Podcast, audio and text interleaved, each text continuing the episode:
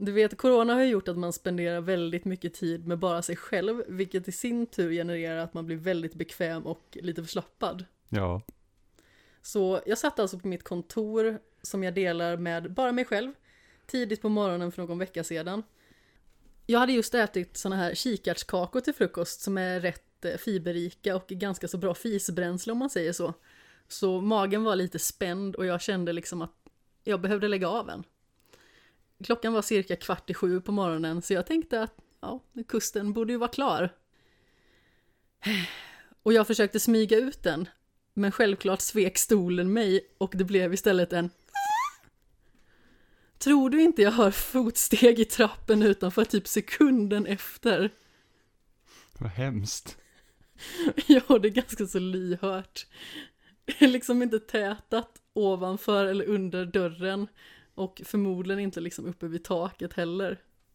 Nej, så kanske ska ta det säkra för det osäkra.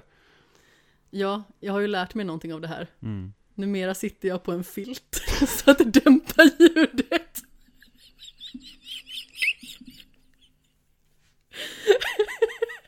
Inte riktigt den lärdomen jag hade tagit, men visst.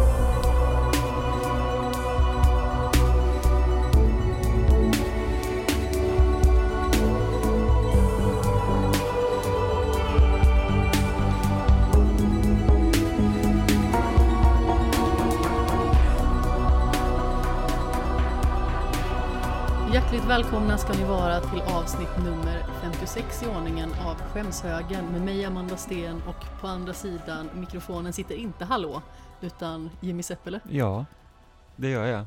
Hej. Sist så bytte du namn Ja, för att du ändrade introsekvensen. och eh, jag vet inte, fällde dig på mållinjen Ja, jag, jag, hade, jag var så förberedd på mitt hallå. Så det var liksom så här, det blev helt fel.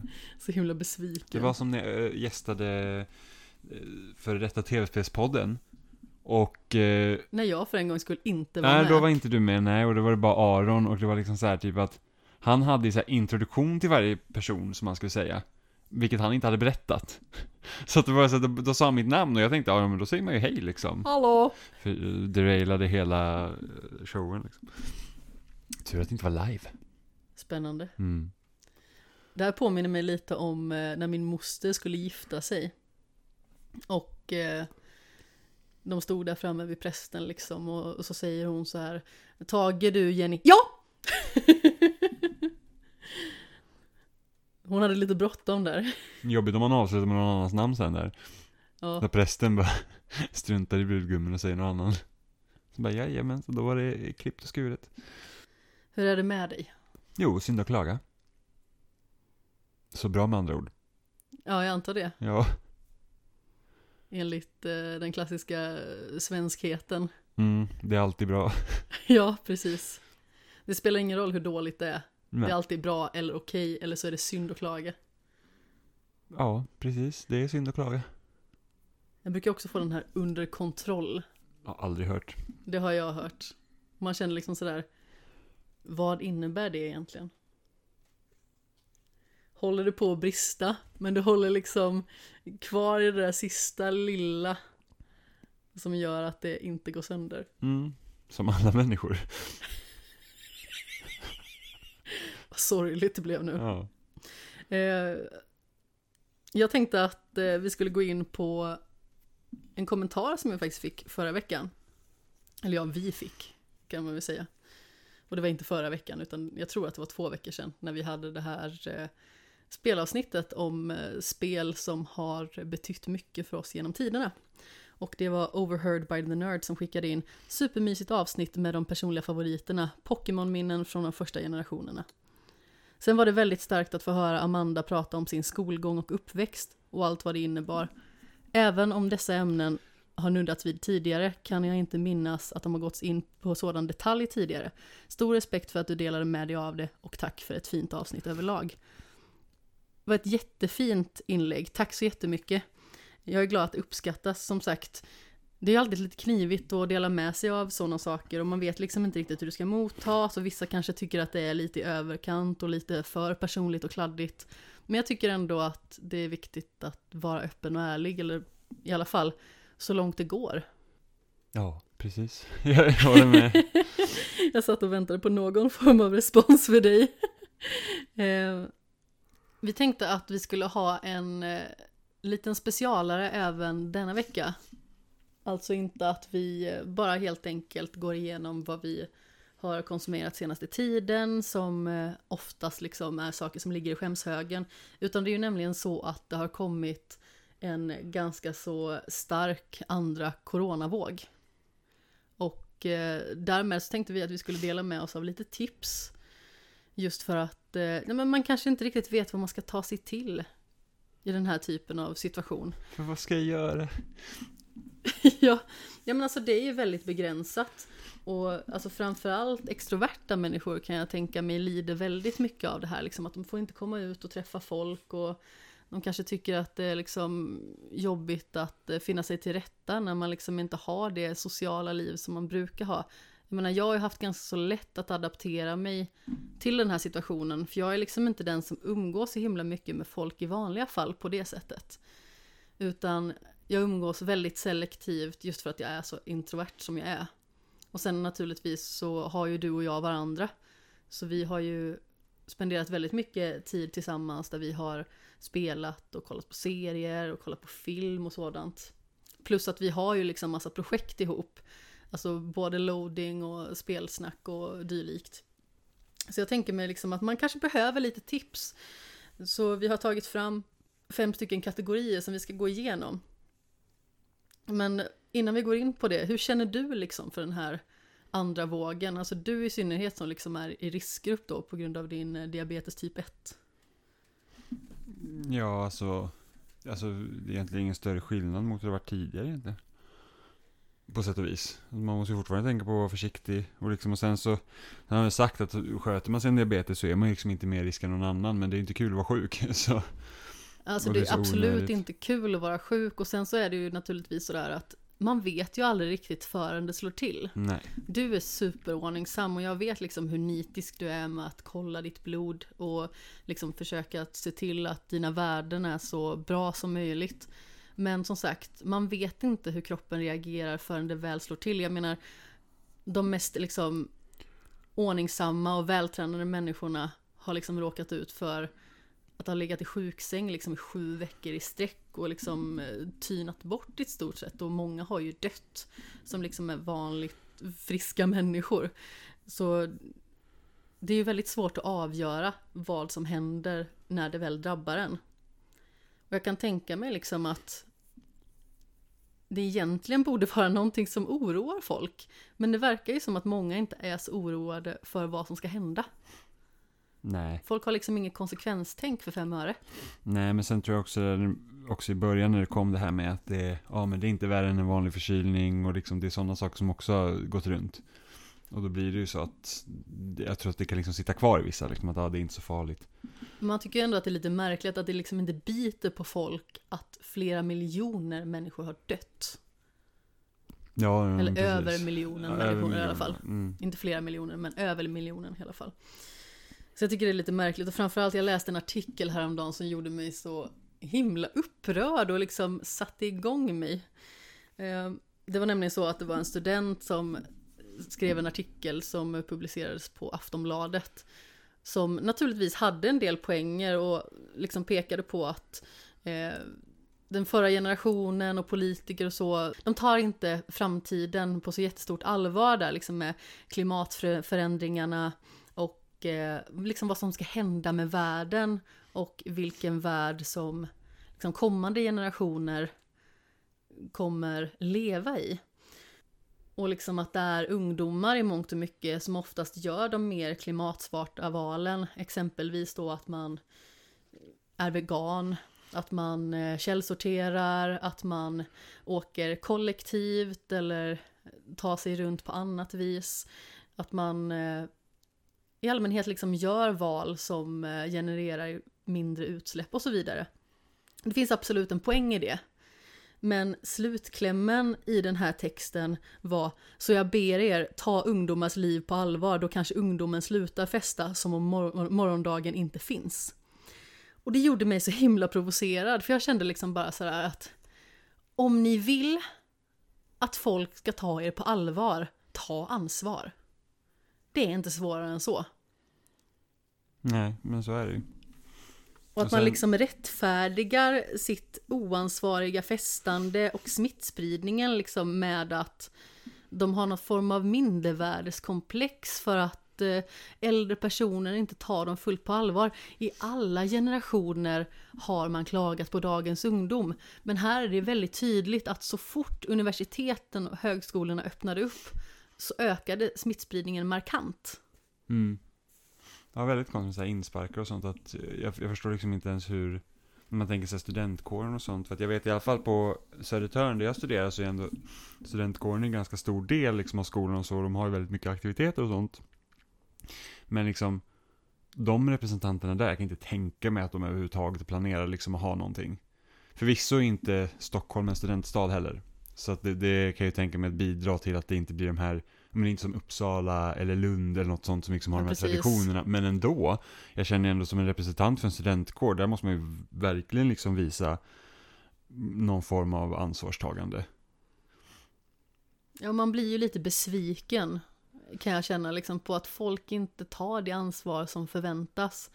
Alltså, man behöver inte göra några extrema förändringar i livet tycker inte jag. Alltså, nu kanske jag talar utifrån mig själv väldigt mycket. Men det jag liksom gör det är ju att jag går till jobbet. Jag åker inte kollektivt. Jag måste åka bil. Det är så pass långt bort liksom att jag kan inte ta cykeln. Eh, de här, vad är det? sex milen liksom till jobbet. Det blir lite knivigt och det tar lite för mycket tid. Men eh, sen så försöker jag liksom gå ut och eh, beblanda mig med folk. Alltså när jag åker och handlar till exempel. För det känns som en sån sak som man måste göra. Men vi handlar bara två gånger i veckan. Men det har ju blivit också någonting som, det är, det är tydligt hur det har ändrats alltså under tiden. För att det är liksom, nu är det väldigt svårt att hitta luckor där det är mindre folk. Ja, verkligen. Folk tänker verkligen så här att den här tiden så borde det vara mindre folk. Och då är det fortfarande ganska så mycket folk. Alltså jag var och handlade på Maxi en liten kort sväng häromdagen. Typ fem i halv sju på morgonen. Och det var ganska så mycket folk och det var liksom inte bara äldre utan då var det liksom eh, folk i min ålder eller kanske liksom eh, upp i medelåldern sådär Mm. folk i min ålder. Jag- Jag är 28 ifall man undrar, ifall man inte vet. Så... eh, Nej men... Jag bara tycker att det är så märkligt, just hela den här textens andemening på något vis. Att de tänker liksom bete sig som rövtroll. Tills folk liksom börjar ta dem på allvar. Alltså jag förstår liksom inte riktigt hur man själv anser att det är okej, hur tänker man liksom då? Alltså jag förstår liksom att det är skitjobbigt när äldre människor typ ser ner på en till exempel. Men det bästa man kan göra då är att ta ansvar. För att verkligen bevisa och överbevisa. Liksom så här, vi kan det här med att ta ansvar och ta direktiv. Vi lyssnar på de rekommendationer som finns. Borde det inte vara så? Mm. Ja. Vi ska inte ägga upp oss för mycket kring det här eller gå in djupare på det såvida inte du har något mer att tillägga. Nej, det har jag inte. Men då tänkte jag att vi skulle gå in på första kategorin för vi har fem stycken precis som jag tidigare nämnde och Eh, det är liksom små tips som gör att eh, tillvaron kanske blir lite trevligare. Och i och med att det här är en podcast som fokuserar väldigt mycket på populärkultur så kommer ju inriktningen att vara ditåt.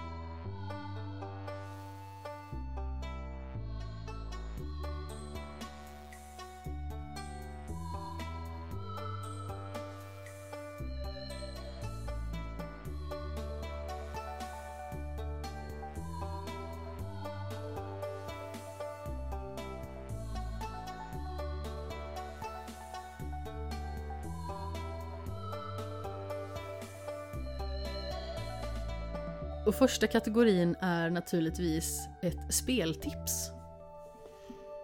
Mm. Vill du ta ton? Jag kan ta ton. Så jag tänkte så här att om, om det är så här att man är hemma lite mer och har lite mer tid eh, liksom för sig så, så skulle man också kunna göra någonting produktivt av det. Eh, alltså, det, problemet med att vi ändå har så mycket att göra med spel är det att det är väldigt svårt att begränsa sig.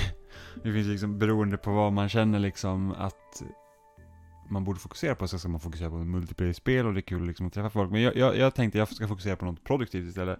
Och då tycker jag, har man en PS4 så tycker jag definitivt att man kan köpa och ladda ner Dreams. Ja just det, det spelet som släpptes i våras måste det vara va? Ja, och Early Access förra året. Eh, under våren då. Eh, och, det, och Dreams är ju Alltså man kan säga att det är som två delar. Du har, du har skapelseläget, så du skapar ens egna spel i Dreams. Eh, eller skapar föremål till spel i Dreams. Du behöver liksom inte skapa en eget, ett helt spel från början till slut. Utan du kan inte säga att ah, men jag vill lära mig att animera, så kan man göra det. Skapa animationer eller figurer eller liksom bara typ säga att du vill bli bäst på att göra träd, då kan du göra träd. Eller vill du komponera musik, eller vill du vill du kanske skapa funktioner och sådana där spel, grejer i spel så kan man göra det. Och då tänkte jag så här att då är det ju ett väldigt produktivt sätt att lära sig också en ny färdighet. Till exempel om man eh, skulle eh, på något sätt vara kanske intresserad och börja skapa spel eller någonting sånt så skulle man kunna göra det. Andra delen av Dreams är det att man faktiskt kan spela andra kreatörers spel.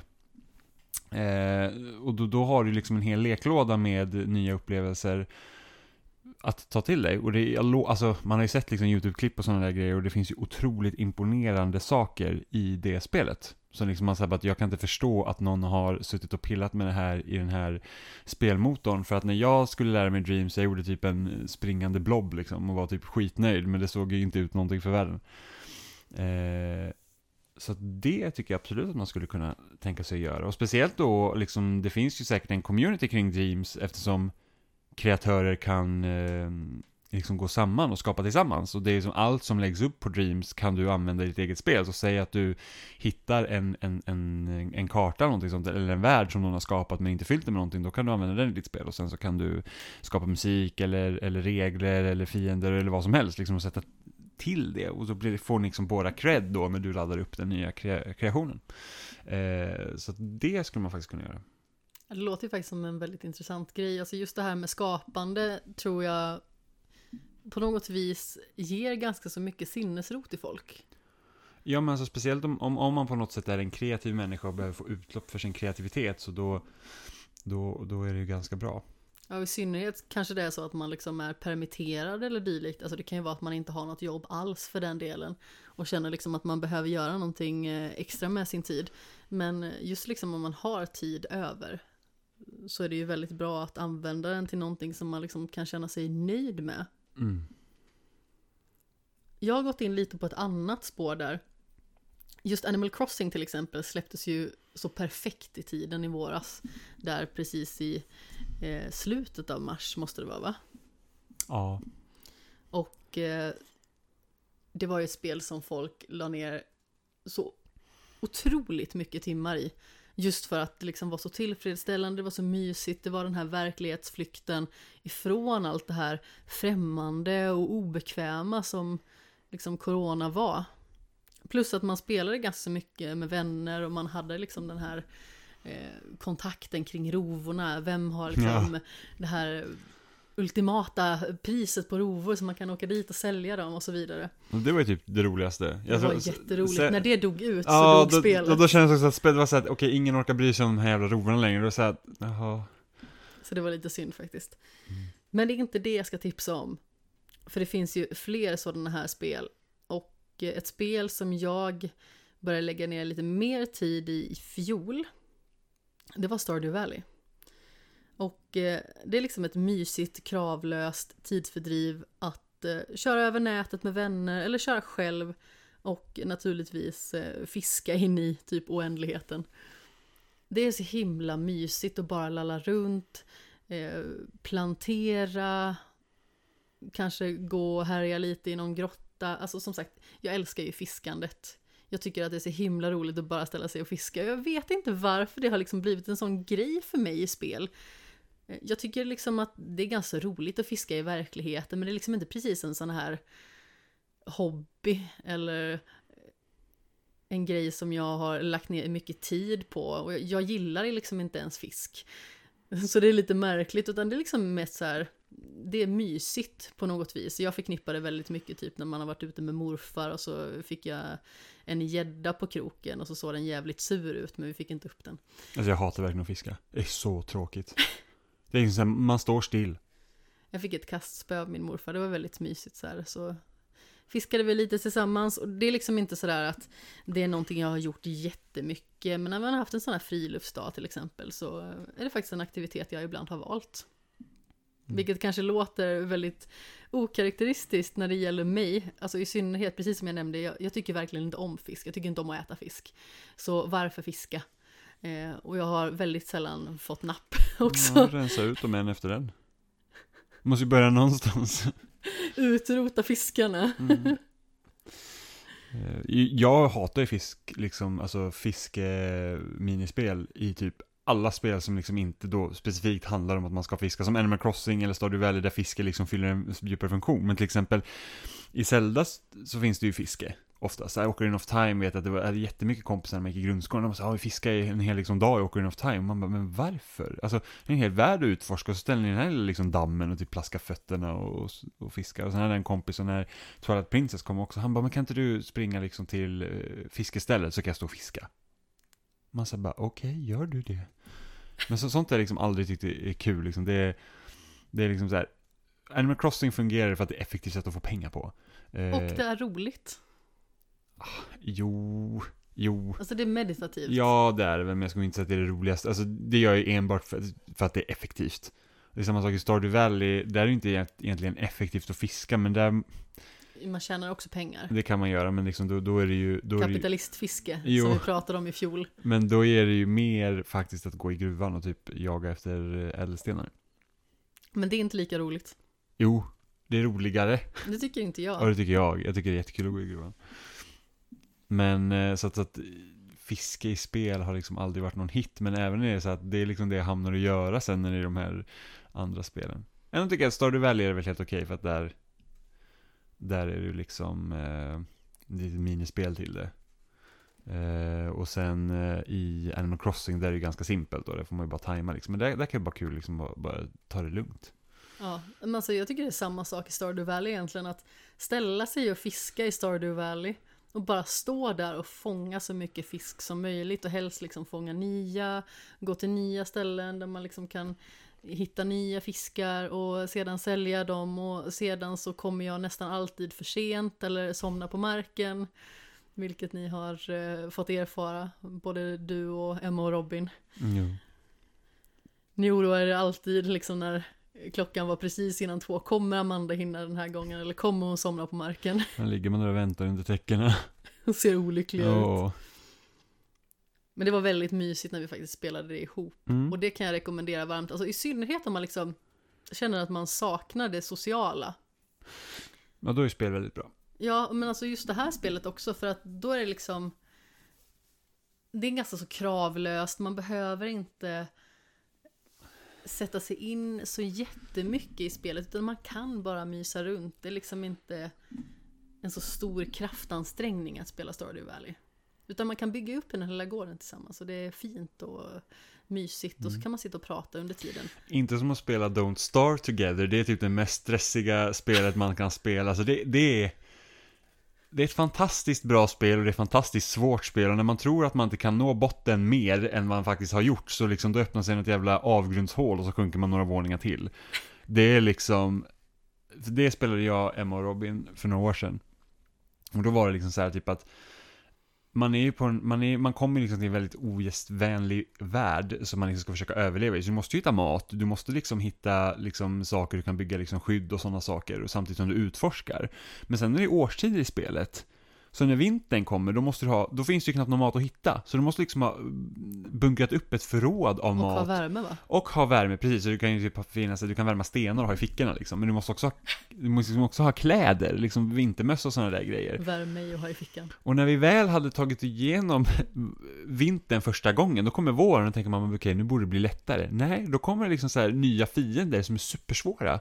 Så det är liksom, det, det är ju spelet verkligen som att när du ligger ner, då står de fan till att sparka på dig ordentligt liksom. Och stampa lite. Ja, men verkligen. Så det är typ så här, vi hade kommit typ, ja, längre än vi någonsin hade kommit tidigare. Och det är liksom bara så här, det gick bara fel på fel på fel. Så det känns som att typ har PTSD efter den liksom rundan. Det är helt, usch. Sen är det ju lite svårare också när man kör multiplayer eftersom det finns mindre mat. Mm. Eh, än när man spelar själv till exempel. Men samtidigt så att ska man vara i misär kan man lika bra vara i misär tillsammans. Ja, det är i alla fall fint. Om man ska se det på något vis. Ja, för att många gånger om, om spel är liksom, det kan vara att spelen kanske är något för komplicerade för att det liksom ska vara enkelt att sätta in sig på en gång. Och då, då, då kan det vara så att då kan jag tappa intresse. Eh, om, om det liksom så att jag känner så här, typ, men typ som när man spelar Gwent i, eh, i, ehm, i Witcher 3. Usch. Om man sätter sig vid Gwent-bordet, man säger bara, jag förstår inte på en gång vad det här går ut på. Så att det är så att, jag orkar inte sätta mig in i det här. Men så till exempel tar man tärningsspelet i Assassin's Creed Valhalla som jag spelar ganska mycket nu, och det är väldigt kul. Eh, och simpelt. Så att det är liksom så att, det har jag spelat varenda gång jag ser någon av de där tärningarna i någon by, man kommer till så bara, ah, nu ska jag titta och spela lite Orlog liksom, och så kör man tärningar. Dock så är problemet där att det är lite för simpelt, så jag kan liksom använda samma taktik från första matchen tills nu, och det är liksom, jag vinner typ alltid. Eh, men liksom där att, jag vill inte att det ska vara överdrivet komplicerat, för då kommer inte jag orka sätta mig in i det, för det finns, då finns det andra spel jag kan spela istället. Ja, eller bara strunta i just de momenten. Ja men precis, och då är det, och det är någonting som är mycket lättare när man spelar tillsammans. Mm. För då kan man liksom säga, okej, här kanske någonting som inte jag förstår, då kan, då kan vi liksom kolla på det tillsammans och säga okej, okej, men så här fungerar det, eller liksom man hjälps åt. Eller så kan man göra så, att typ Robin tar hand om det som jag verkligen inte vill göra, bara lär dig det här, så går jag och gör något annat som jag tycker är kul. Ja men så var det ju när vi spelade Stardew Valley också, liksom, vi hade ju väldigt tydliga roller. Du var ju väldigt investerad liksom i att så fröer. Ah, Och Emma var väldigt liksom estetisk i det hela och försökte liksom piffa till gården så mycket som möjligt. Robin gick iväg på diverse uppdrag, typ i grottorna eller eh, han skulle bygga någon form av silo tror jag det var. Ja, men han hade ju Och jag eh, liksom eh, bara gjorde allting som krävdes av mig för att jag sedan skulle kunna få ställa mig och fiska resten av dagen. Ja. Jag, Men jag tjänade väldigt mycket pengar åt oss. Ja, ja, jag gillar att kunna automatisera saker. Så att det är liksom så här typ att, om det är Stardew Valley, du kan liksom bygga sprinklers och sen så liksom få bättre sådana saker. Så att det är så att, det är inte kul att gå och vattna växterna varje dag. Det är absolut skittråkigt. Och då är det så här, då måste man liksom, hur kan vi göra så att vi slipper vattna blommorna? Mm. Sånt tycker jag är kul i spel. Ja, men då hjälptes vi alltid åt. Liksom, Jo, jag I alla vet. fall att bli klar med det så vi kunde gå och göra Så är annat det. så För fort som det jobbigaste är ju att man spelar Stardew Valley själv och man har jättestor liksom bondgård. Och så säger bara att det tar mig hela dagen att vattna. Vattna. vattna. Liksom det, är så här, det är så tråkigt. Eh, för det är typ som spela Spirit Fair i somras. Ja. Och där hade man liksom en, en, en båt som man tog hand om och liksom, det var som en liten simulator. Så man liksom, man, man planterade grödor och lite sådana saker. Spirit Fair är så fint. Och det gick liksom inte att automatisera vattningsprocesser och sådana grejer. Ja, det är sorgligt. Och det är liksom såhär bara att, ja men alltså jag vill inte vattna mina växter Liksom när som helst, låt mig uppgradera någonting, liksom låt det kosta resurser, men låt mig uppgradera så att det sköts automatiskt, så jag slipper, då kan jag liksom göra andra saker. För att det är så här att, det hindrar ju mig från att vilja bygga fler, liksom, um, vad ska man säga, växthus. För att, vadå, då ska jag ha tre planter till jag ska vattna. Nej tack. Jag tänker att vi ska gå vidare till eh, nästa tips. Och det är film, eller filmserie skulle man kunna säga. Så det kan vara liksom flera stycken. En trilogi eller vad det nu kan vara. Ja, alltså det här är ju så knepigt eftersom jag ser inte på så mycket film. Och film tar slut så fort. Och ja, och, men det här är så så lustigt. Jag har inga problem att titta typ såhär, ja, här är en serie på typ tio säsonger. Den, den kan man liksom blåsa igenom. Men här, sen, sen är det så här, en film på två timmar. ja, men vill jag verkligen ge två timmar av mitt liv åt det här nu? För att liksom, när man kollar på serier, då är det ju ganska korta intervaller. Mm. Alltså, tittar jag på en film så vill jag gärna börja se filmen liksom i ett streck. Jag tycker, ja, men inte, precis. jag tycker inte om att avbryta mitt i. Och då är det en ganska så stor tidsinvestering som man måste göra där det liksom inte finns naturliga stopp. Ja, Okej, jag kan spela också typ hela dagen. Det, det är inga Jo, problem. men, Men, då är där man kan också du ändå pausa precis när som Ja, helst. sen är man aktiv. Det är det. Ja, plus liksom- liksom... det här med, alltså tv-serier, säg att man har 30 minuters avsnitt till exempel. Då är det väldigt simpelt att se ett sånt. Och sedan skulle man kunna rent hypotetiskt göra någonting emellan och sedan se ett till. Eh, det är väldigt lätt liksom att, att hatta mellan aktiviteter då. För det blir liksom inte en lika stor investering just då, liksom i sin tid. Eh, jag vet inte riktigt varför det har blivit så. Jag har sett väldigt lite film det senaste också. Men eh, ett tag så hade jag liksom väldigt stor konsumtion av film. Alltså jag kollade på många, ett tag liksom flera om dagen. Mm. Men det går också i perioder där vissa perioder så är det liksom bara tv-serier som gäller, vissa är det bara spel som gäller. Nu när du och jag bor ihop så är det ju väldigt mycket mer att våran huvudsyssla det är spela. Mm. Och sedan så, om det kommer en ny serie som vi verkligen vill se så kanske vi sträckkollar den. Och sedan så kollar vi på serier när vi äter till exempel. Det är Mm. väldigt vanligt. Ehm, jag har egentligen liksom det som tumregel, eller vad man ska säga, alltså även när jag bodde själv, att spel är liksom min huvudhobby. Och det fokuserar jag på, men ibland så har man liksom bara sådana perioder när man känner att jag vet inte vad jag ska spela så därför kollar jag på en serie istället. Mm. Och, Din film, Ja, förlåt.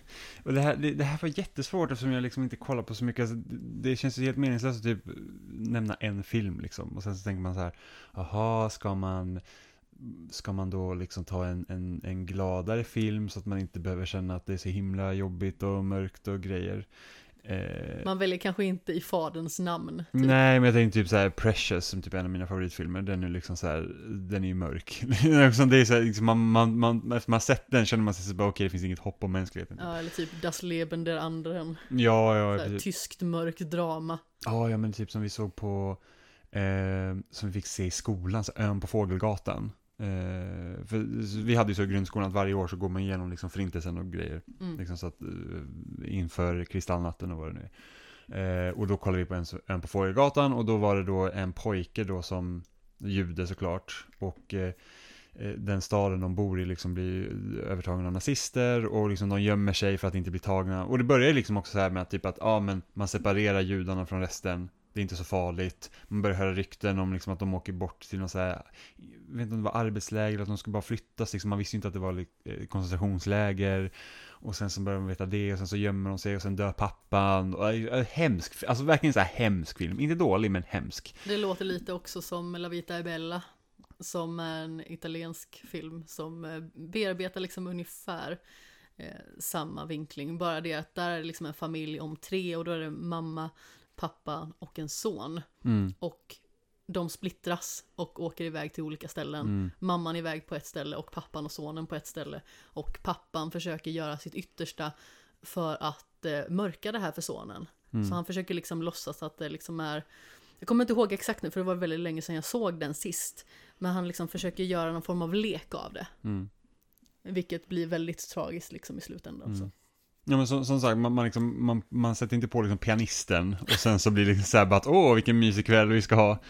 Eh, men visst, om man vill, om man liksom är intresserad av då typ eh, andra världskrigsdraman så kan man väl då liksom köra liksom en, en treenighet då där med att kolla liksom på så här, hur var det i koncentrationsläger? Vi tar alla filmer som behandlar det ämnet och sen så kan man må riktigt dåligt.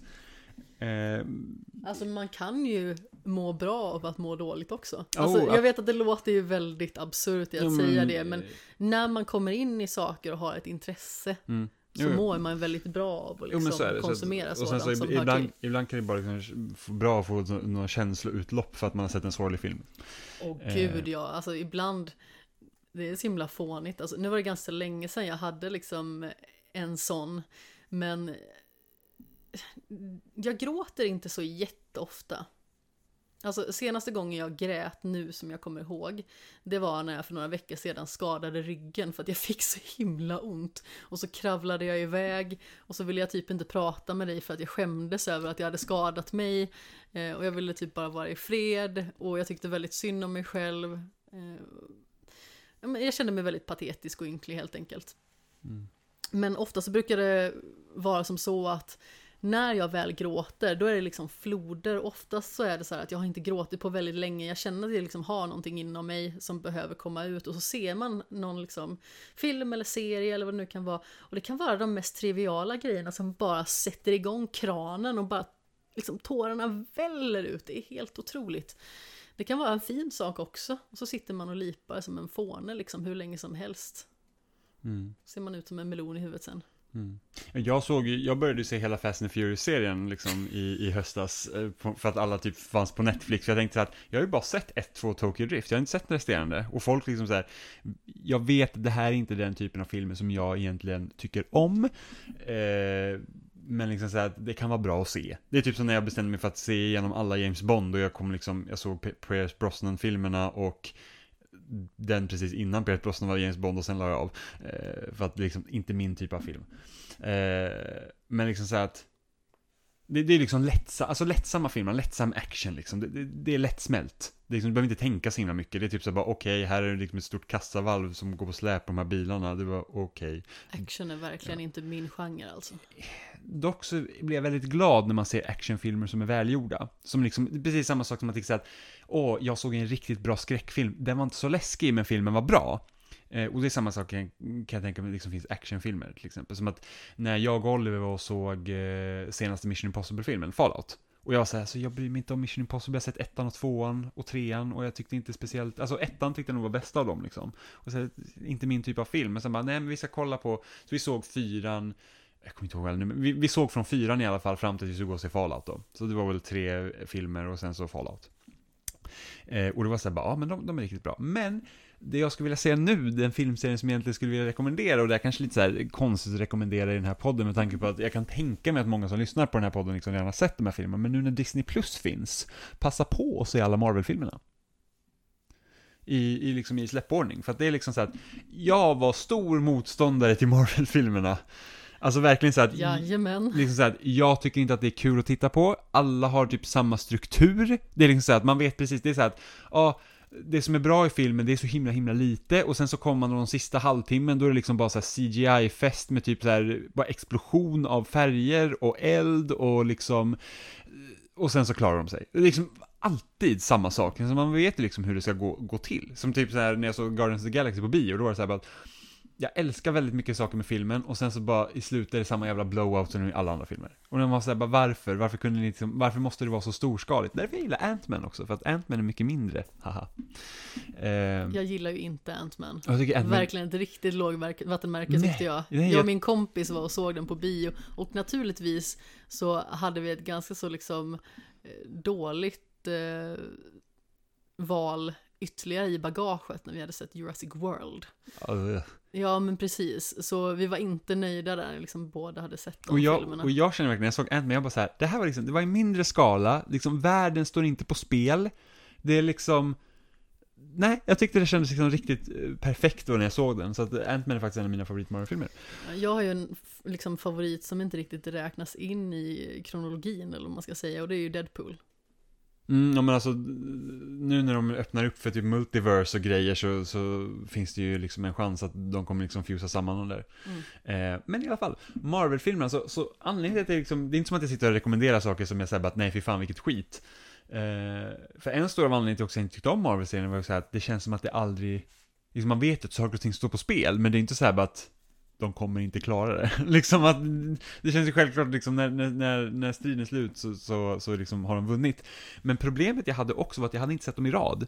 Utan jag såg liksom, ja men okej, jag har sett Iron Man 1 och 2, sen ser man kanske typ Eh, om jag såg typ såhär Captain America Civil War såg jag liksom innan jag såg de andra två Captain America till exempel. För att, för att det är såhär typ att, ja men Civil War-konceptet var intressant. Så att jag såg inte dem i, liksom i ordning, så att då har man liksom inte samma koll. Och sen jag såg ju till exempel första Avengers såg jag ju innan jag hade sett någon annan film förutom Iron Man. Och Iron Man 2. Och då är det så här att då har man ju ingen relation till hjältarna heller som, som visas liksom på skärmen. Eh, sen såg jag Infinity War på bio. Alltså så här, det här är rätt så kul också, jag bara, jag gillar inte Marvel-filmer, men jag har sett eh, en, en stor mängd på bio ändå. Men såg jag Infinity War, då var det så här att det här är första gången jag känner verkligen att nu står det på spel, för man kan liksom inte riktigt vara säker på att de faktiskt kommer klara det. Jag tyckte mycket om den också. Jag var med min kompis Jonas och såg den. Och eh, vi har sett eh, vissa andra så här eh, superhjältefilmer ihop också. Alltså bland annat eh, Into the Spider-Verse till exempel. Mm, mycket bra film. Mm, den är jätte, jättebra. Eh, precis, och, och, och, Infinity War tycker jag är liksom den bästa Marvel-filmen, bara just för att det är så att, Jag håller med. alltså ba, bara liksom så att, Eller alltså, kanske inte av alla, men ja, men alltså, i, en av de bästa i alla fall. Ja, jag tycker den är den bästa då i, i Marvel, alltså i MCU så att säga. Och då känns det att nu någonting så på spel, liksom så här. Så att jag köpte alla filmer. och bara så att nu ska jag se dem i rad inför Endgame sen, som jag såg två gånger på bio dessutom. Eh, men det är liksom bara en sån grej att ta till sig så liksom många olika filmer och knyta samman, det är liksom, det är en ganska otrolig grej bara i, i sig självt. Eh, men nu när det finns på Disney Plus, jag tror alla filmer finns på Disney Plus utom Hulken, den är inte speciellt bra heller. Och eh, den Hulken som man får se där känns inte ens representativ för faktiskt Hulken är när Mark Ruffalo är honom. Eh, så att den kan man faktiskt skippa. Men eh, så då drar man igenom alla. Och inte, ser den inte i, liksom i, i, i tidslinjeordning då enligt deras, utan ser den i kronologisk ordning från att de har släppt Och sen så kollar man ju alla de här extra scenerna som kommer efter eftertexterna. Så då får man såhär, oh, nu liksom, då, Hej, hej. då luckras liksom hela det här, eh, liksom, hur de hänger ihop till liksom. Så att eh, det skulle faktiskt, då, då har man liksom, där har du ändå 20, vad är det, 22, 23 filmer nu att titta igenom. Och det, då har du liksom 40 timmars underhållning över. Så att, eh, kör hårt. Och det är dessutom mången gång ganska lättsmält. Ja, precis. Det är liksom inte så här att, ja, förutom när vi kommer till Infinity War, det, det, det är liksom... Där börjar det liksom bli det- lite det mer old Men liksom, då har du redan sett 18 filmer, så det är liksom lugnt. Men precis, då kan det vara skönt med lite ombyte där. Ja men precis, det är så här att okej, men nu, nu har vi sett de här hjältarna räddat eh, världen för typ eh, 18 gången då. Så att det är dags att liksom se hur, hur det kommer kanske att gå dåligt. Ja, Eh, så det. Och sen så faktum är att i år är första året sedan 2008 Marvel inte har släppt en ny film i sitt universum. Så att eh, hurra, eller något. så då kan ni passa på att se alla. Ja, men precis. Och inte för att det var så här, det var inte som att Marvel-filmer försvann och massa andra filmer fick chansen också att komma in dit och liksom sopa mattan. Så att ingen kan gå och se film. Nej, det är ju faktiskt ganska så sorgligt. Det är väldigt mysigt att gå på bio. Ja, Det är något visst med det alltså. Förut var jag så att nej jag vill gå på bio när vi, en film jag vill se. Och sen så har man varit på bio några gånger liksom så här, man bara fan det är fan nice att gå på bio. Och sen var det så här, vill du göra mer på bio? Och man bara, jajamän, vad ska vi se? Spelar ingen roll. Ja men det var väldigt synd sådär för att både du och jag gillar väldigt mycket att gå på bio Ja. och gick en hel del ihop. Alltså både liksom eh, precis när vi började träffas och även eh, liksom i samband med att det började bli Oscars-time också liksom. Mm, ja, precis. 1917 är väl senaste filmen vi såg på bio. Det kan nog ha varit det. Mm, jag tror också det. Och det är väldigt synd i alla fall liksom att eh, man inte kan konsumera film på det sättet just nu. Och jag hoppas liksom inte att eh, liksom själva konceptet mer och mer dör ut på grund av det här. Men man vet ju liksom inte riktigt hur det kommer gå och vissa saker återuppstår ju naturligtvis i och med att det kommer förmodligen finnas ett ganska så stort behov från många liksom att gå och se saker på bio Mm. efter liksom att den här eh, krisen är över. Vi får ju se, jag har för mig att det har ryktats om att ett vaccin ska komma i januari. Men är det, jag undrar, är det någon i Sverige som har försökt dra igång någon drive-in-bio? Det hade ju kunnat vara en grej alltså. Mm, Men fast- det finns ju på vissa ställen. Ja, det finns, men jag, jag tänker så att...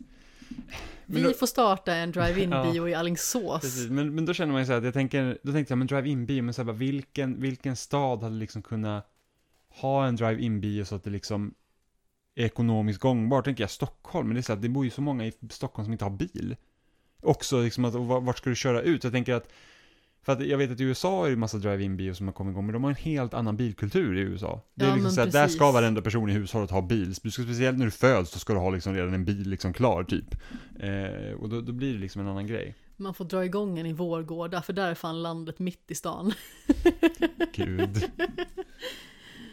Den film som jag har valt Alltså jag tyckte att det var en jättesvår kategori. Det är väldigt roligt för att jag satt och eh, pillade ihop liksom eh, det här lilla segmentet och så kände jag bara så här att Alltså en film var svårt. Sen vill man liksom inte tipsa om någonting som är så himla vanligt heller. Man vill liksom inte ta Harry Jag Potter tog, jag tog det vanligaste som Ja, finns. men jag tycker ändå liksom, det är inte så jättevanligt tips. Alltså, man hade kunnat välja typ Harry Potter-filmerna eller Sagan om ringen-filmerna och så vidare. Men den film jag har valt, för det är faktiskt bara eh, liksom en film och ingen filmserie, det är La La Land. Jaha. Ja, och musikaler är väl kanske inte något som är tippat att jag skulle vilja tipsa om. Men eh, musikalmusiken i det här verket är väldigt upplyftande. Och eh, fastnar på hjärnan som en fis i velourbyxor ungefär. Vilket gör liksom att man går runt och diggdansar och visslar och nynnar i dagar och veckor efteråt. Och sen så är det naturligtvis solklart himla fina rollprestationer. Alltså vi har ju Emma Stone och vi har ju Ryan Gosling liksom som inte bara är ögongodis och och eh, allmänt trevliga att titta på när de liksom är tillsammans och spelar mot varandra precis som de gör i Crazy Stupid Love. Som också är en mysig film. Men eh, den är så himla bra den filmen. Alltså allting med den liksom eh, själva estetiken och hur de liksom lyckas eh, fånga den tiden det utspelar sig i. Musiken är på topp, skådespeleriet är på topp, klippningen, alltså allting är så himla fantastiskt i den filmen. Jag tycker att det är en kanonmusikal. Sen ifall man liksom vill ha lite mer musikal så kan jag också tipsa om The Greatest Showman. Det är inte en lika bra film, alltså det är bra skådespelare men det är ganska så många bra skådespelare. Vi har liksom Hugh Jackman, eh, Michelle Williams, Zac Efron, faktiskt väldigt bra i den. Eh, Zendaya till exempel. Eh, så där har man liksom också någonting ifall man känner liksom att man vill ha någonting med bra musik. Alltså det är ju ett soundtrack som jag har lyssnat sönder. Jag har lyssnat så mycket på The Greatest Showman-musiken, nästan mer än La La Land-musiken skulle jag vilja säga. Jag hade liksom den på hjärnan i veckor, det var väldigt roligt för att nu sitter inte jag ihop med henne längre för att det har liksom varit väldigt mycket omstrukturerat på huvudkontoret. Eh, och eh, i och med liksom den utbyggnad som var då, som gjorde att eh, kontoret eh, blev större och att det fanns fler rum, då började man liksom flytta om personer, så jag sitter med en tjej på HR numera. Eh, men min förra kollega, när jag fortfarande härjade lite mer på leverantörsreskontra, hon och jag eh, fann varandra lite extra i det, liksom att båda älskade att lyssna på musiken till The Greatest Showman. Så musikaler är på något vis ganska upplyftande, alltså det finns ju naturligtvis sorgliga musikaler också. Men det är någonting med det ändå. Jag tycker att man går lite så här, eh, lite gungigt och man är lite så här eh, svängig och på topp när man har sett en musikal på något vis. Det låter kanske skittöntigt det jag sitter och säger nu, men jag vet inte, jag har lite på något vis den känslan. Alltså jag hade ett helt avsnitt när jag liksom pratade om Gli, så att... Eh, ja, Fast jag gillar Glee på grund av att det är så här, där har vi eh, x antal personer som gör saker tillsammans. mm. Det är typ därför jag gillar Glee. Ja, alltså jag är ju liksom inte direkt ett fan av när man liksom eh, pratar sig in i sången direkt hela tiden, utan det faktiskt finns eh, någon form av dialog däremellan liksom och en berättelse som man kan ta till sig Mm. som är Det- intressant. Det finns inte någonting som jag hatar så mycket om när en vanlig liksom tv-serie eller någonting sånt har ett musikalavsnitt. Det är absolut the worst, för att det är så att ingen av de där skådespelarna är ju anställda för att sjunga. Så de flesta sjunger ju dåligt. Och det är liksom, det ser så himla konstigt Tänker du på någon speciell serie? Jag tror att, nu ska se, Grey's Anatomy vet jag hade ett musikalavsnitt. Va? Jajamän.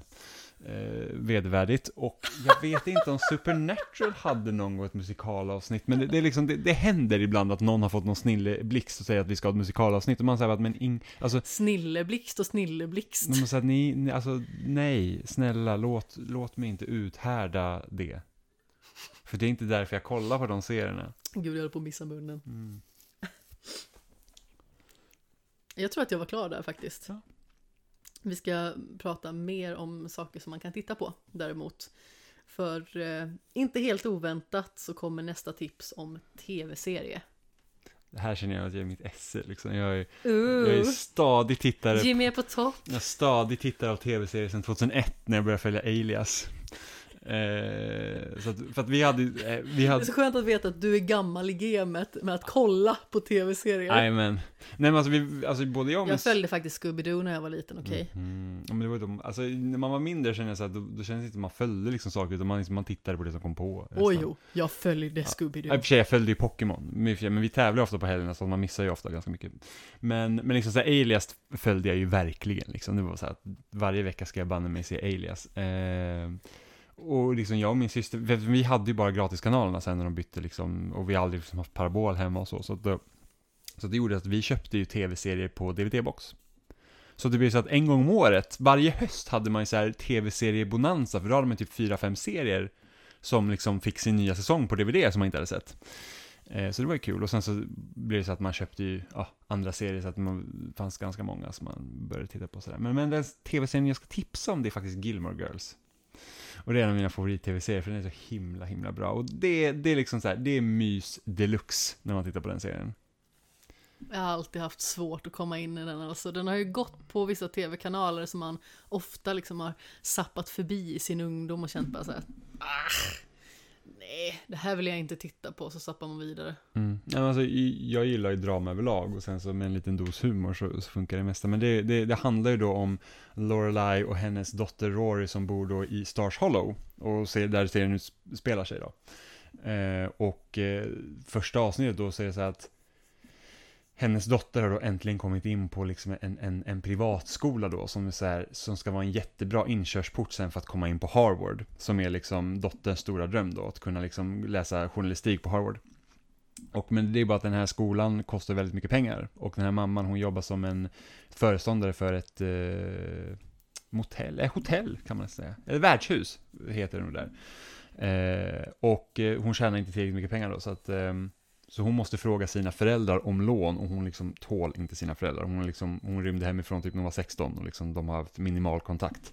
Och det är liksom där serien tar sin början, så det handlar ju om då den här familjen och speciellt då mamman och dottern då som bor i Stars Hollow och sen deras liksom relation, hur den byggs upp med hennes föräldrar igen. Och sen så, ja, och det är en liten, liten stad liksom, man ska säga den är kanske, alltså den är inte lik, alltså den är mycket mindre än vad Alingsås är typ. Det är så här en gata eller något sånt. Ah, vad liten den Ja men är. det är typ så här. l- största nyheten på året var när lokaltidningen fick liksom rapportera om ett nytt eh, rödljus som satt upp i ett övergångsställe. Det här liksom. låter som Vårgårda. Ja men typ kanske liksom. Eh, och, och det är bara att den är så himla mysig den här serien, liksom att man verkligen investerar i de här karaktärerna och, all- och liksom eftersom det är en småstad så är ju liksom vissa är lite eh, lustiga och sådär grejer. Men, men just det att sättet serien är skriven på också, hur rapp dialogen är, för det är liksom, den gjorde sig känd över att de pratade väldigt fort. Liksom, och det, alltså att det, så att man, man kommer in i den ganska snabbt. Eh, och sen kommer jag ihåg att det var så här typ att redan när jag, och det här måste ha varit, eh, kan ha varit 2006, 2007 tror jag när jag började samla det på DVD-boxarna. Så, så var det redan där liksom var det så här typ att det gick rykten om att det skulle liksom komma en ny säsong om några år eller någonting sånt där. Liksom man försökte fixa rättigheter och sånt för att hon som har skrivit serien då, hon, eh, hon hoppade av eh, innan sista säsongen. För att det blev någon så här dispyt med nätverket och grejer för att hon ville liksom känna att ja, men nu börjar liksom serien vara klar och de ville inte det och sen så började något annat. Så att det, liksom, det var en hel grej. Så att det är många så här typ Die Hard fans anser ju liksom att sista säsongen är liksom typ svarta fåret över hela serien. Vilket så här, ja. Liksom, man går typ in på, jag har gått in så på Gilmore Girls Reddit-sidan liksom ibland och läst och folk Såklart Alltså har. folk är helt liksom, alltså folk är helt galna. Det är liksom så här, man bara så här, hur, hur, kan ni, hur kan ni diskutera det här år ut och år in liksom? Eh, Kom över det någon gång, okej? Ja, ja men, men lite så faktiskt. Och sen så, men, men, eh, men jag, alltså jag har liksom, visst, vissa vägval som har liksom tagit i serien liksom mindre bra än andra, men som sagt, jag tycker att det är en väldigt, väldigt mysig serie, och det passar perfekt då, liksom så att om man känner att man kanske inte vill vara liksom så här superdeprimerad hela tiden, så ska man kolla på Gilmore Girls. Och det bästa är ju att det även finns en ny säsong som kom då som Netflix producerade, med typ fyra, eh, vad ska man säga, timmes långa avsnitt. Och det, alltså det var en sån här grej liksom när de utannonserade det, det var, här, det var, en, det var en bra dag. det var liksom såhär, Livet lekte, ja men alltså, jag kommer ihåg man, tågen gick i tid. jag kommer ihåg man såg trailern och så började den där musiken som man har hört genom hela serien, alltså chills. Jag låg, alltså det var gåshud över hela kroppen. Det var liksom bara såhär, oh my god, vi ska tillbaka till Stars Hollow. eh, så, så den kan jag rekommendera. Den är faktiskt väldigt, väldigt bra. Och man ska inte, det ska inte vara så här typ någonting, åh, oh, den heter Gilmore Girls Blair, liksom så här, Tänk inte så mycket på namnet liksom. Ses, det är samma sak med Desperate Housewives. Det jag tror lovar att den, den, namnet på den serien gjorde att många fler blev avskräckta från den, än faktiskt såg den. Det är mycket möjligt faktiskt, så kan det vara. För Desperate Housewives, också en väldigt, väldigt bra serie som pågick lite för länge, men den är liksom, alltså... Jag hade lite svårt för den också faktiskt. Ah, nej, det är så himla bra. Mordbesnittet i första säsongen, man, var, man, var, man satt som på nålar, man bara, åh, vad ska hända? Så här, den, den är också så himla speciell för att den liksom, man, man kan ju liksom göra sig lite lustig liksom över att ha de här desperata hemmafruarna liksom, men, men alltså den, oh. den, den tar upp ganska liksom tunga ämnen emellanåt. Alltså typ, jag tror i första säsongen där liksom, så det hela börjar ju liksom då med att eh, de här fyra väninnornas vän tar livet av sig. Eh, och sen någonstans liksom kan det vara sju, åtta avsnitt in så den ena mamman liksom, man så här, vi förstår inte hur hon kunde göra det, eller varför liksom, vi har inte märkt att hon har mått dåligt och bla bla, liksom typiska grejer där. Och sen så liksom så här att hon har en, hon har en jobbig vecka, och hon har typ fått så här av någon annan mamma hade hon fått typ så här ADD-medicin som gör att hon ska liksom orka mer. Så hon har typ varit uppe så här 36 timmar i sträck och liksom bara jobbat järnet för att liksom helt speedad. Och sen så bara så här, du vet, gå in i en vägg bara så här, puff, bara jag orkar inte mer liksom. Och sen så bara liksom fundera på så att, ja ah, men det kanske är så här, det är att ta livet av sig, liksom livet är jobbigt. Och liksom bara så här att, wow. Och det kommer jag ihåg, för man såg extra materialet på DVD-boxen som jag köpt. Eh, så var det liksom så här typ att, det här var 2004, eller 2005, nej 2004 tror jag. Jag hade så gärna velat att det här liksom var videopodd så att alla hade kunnat få se ditt barnsligt nöjda uttryck just nu. Ja, det är så roligt. Så himla gulligt. Eh, men det är också så intressant liksom att, att idag så liksom när man ser, om man typ sett Game of Thrones, så här huvuden flyger och det är blodigt och liksom så att det är liksom inte vissa ämnen är liksom inte ovanliga idag att se, speciellt när vi har streamingtjänsterna som inte går liksom efter kabelnätverkens liksom regelverk. Men på den tiden liksom att kunna, kunna liksom röra vid sådana ämnen, det liksom kunde ses som kontroversiellt. För att inte typ ta om typ Twin Peaks när det visade sig att eh, David Lynch var ju så himla sur på att, att nätverket då, liksom, han måste avslöja mördaren och han hade aldrig liksom intention att avslöja vem som hade dödat Laura Palmer.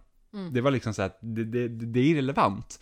Eh, och de sa liksom, nej det måste du göra och liksom det var krav på dem och så, så, så, så gjorde han så att det var hennes pappa. Mm. Och liksom, och folk, folk blev helt galna. Alltså det ja. var ju liksom ramaskri över att liksom såhär, det var liksom incest, liksom familjemord, alltså det var liksom helt sjukt. Det kan man inte visa på TV.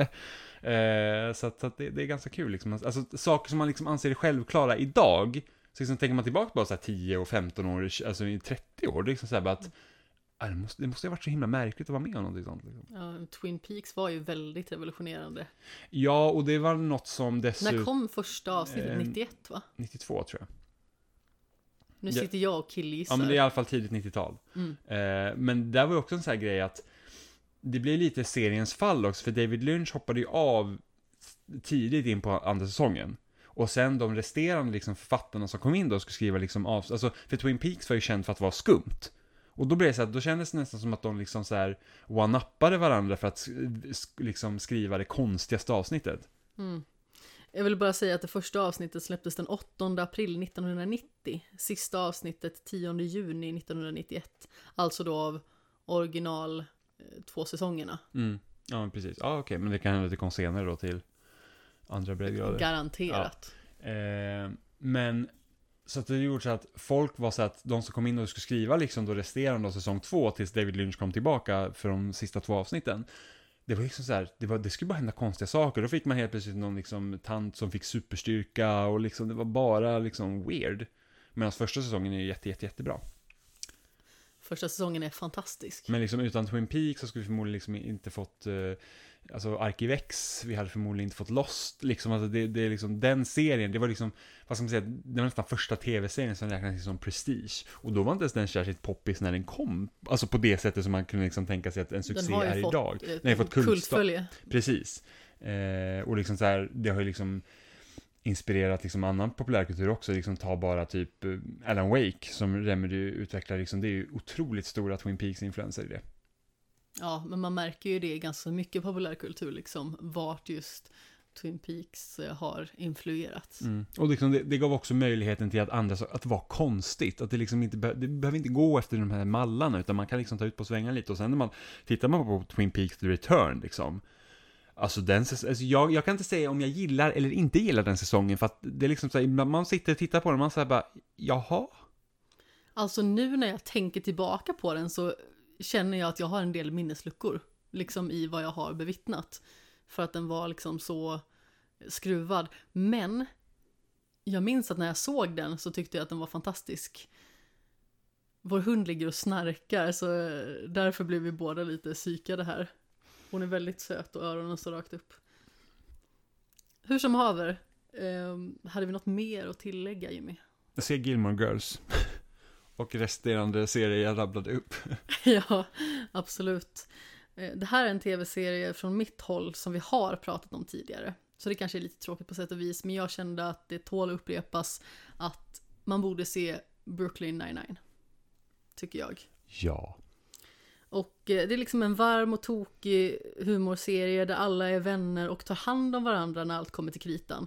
Och jag tycker att det är väldigt fint för att visst, man kan liksom bli ovänner, men man finns alltid där för varandra och stöttar varandra när det verkligen betyder någonting. Alltså sådana här små fåniga osämjor liksom, det betyder inte någonting. Eh, utan det är liksom vänskapen som består. Och den vänskapen som de liksom bygger upp på den här polisstationen, den är fantastisk verkligen. Jag var väldigt skeptisk när jag såg första säsongen första gången. Jag tänkte bara, vad är det här för serie? Och Jake Peralta, han är en riktigt jobbig jävel alltså, som jag bara liksom skulle vilja ta i nackskinnet och liksom sätta i bur i stort sett. Jag tyckte att han var fruktansvärt jobbig. Men sen när man ser serien en andra gång, då ser man honom med de ögonen som man liksom har sett honom med när han börjar växa som karaktär. Och då irriterar man sig inte på någonting. Mm. Ja, serien är lite knasig i början, liksom. även typ så här Boyles, liksom, typ Eh, liksom den relation han försöker skapa med Rose är liksom så här, lite konstig. För att liksom de karaktärerna är inte alls så idag. Nej, nej men precis. Och sen liksom det här när han börjar ragga på begravningar och grejer. Ja, ja, det är, liksom, det är liksom så här, det, det, känns nästan som att man säger att åh, det här har vi en komediserie, vi måste ha den här arketypen med. Ja. För Boyle är ju inte alls sån. Nu. Nej. Så, att det, så Boyle är jätterolig. Ja, ja men verkligen. Men det alltså komedier är ju alltid sån här alltid lätta att liksom eh, rekommendera. Och speciellt något som är så bra som Brooklyn 99.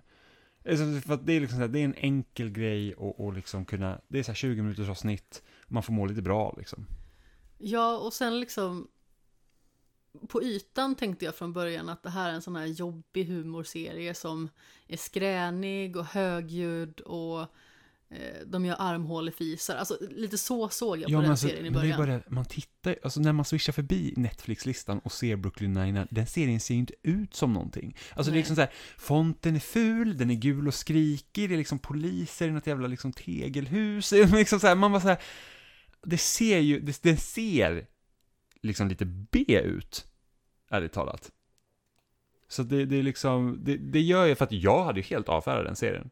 Jag också efter några avsnitt eller typ en säsong kanske det var. Och sen så kände jag bara så att det är så många som rekommenderar den här och älskar den här serien så mycket. Jag måste se den på riktigt. Och så gjorde jag det och sen så har jag ju sett om den mm. efter det. Alltså jag hade inte ens sett serien utan när jag avfärdade den. Jag var såhär, alltså, jag ser ju att den inte är bra, trodde jag. Mm. Eh, men sen så, var, sen så la den sig ner. Och folk var helt liksom upprörda och då kände jag så att, åh nu, now's the time to se liksom. now's the time to se. Jajamän. Eh, så att då, så här, då kollade jag på den liksom var helt fångad.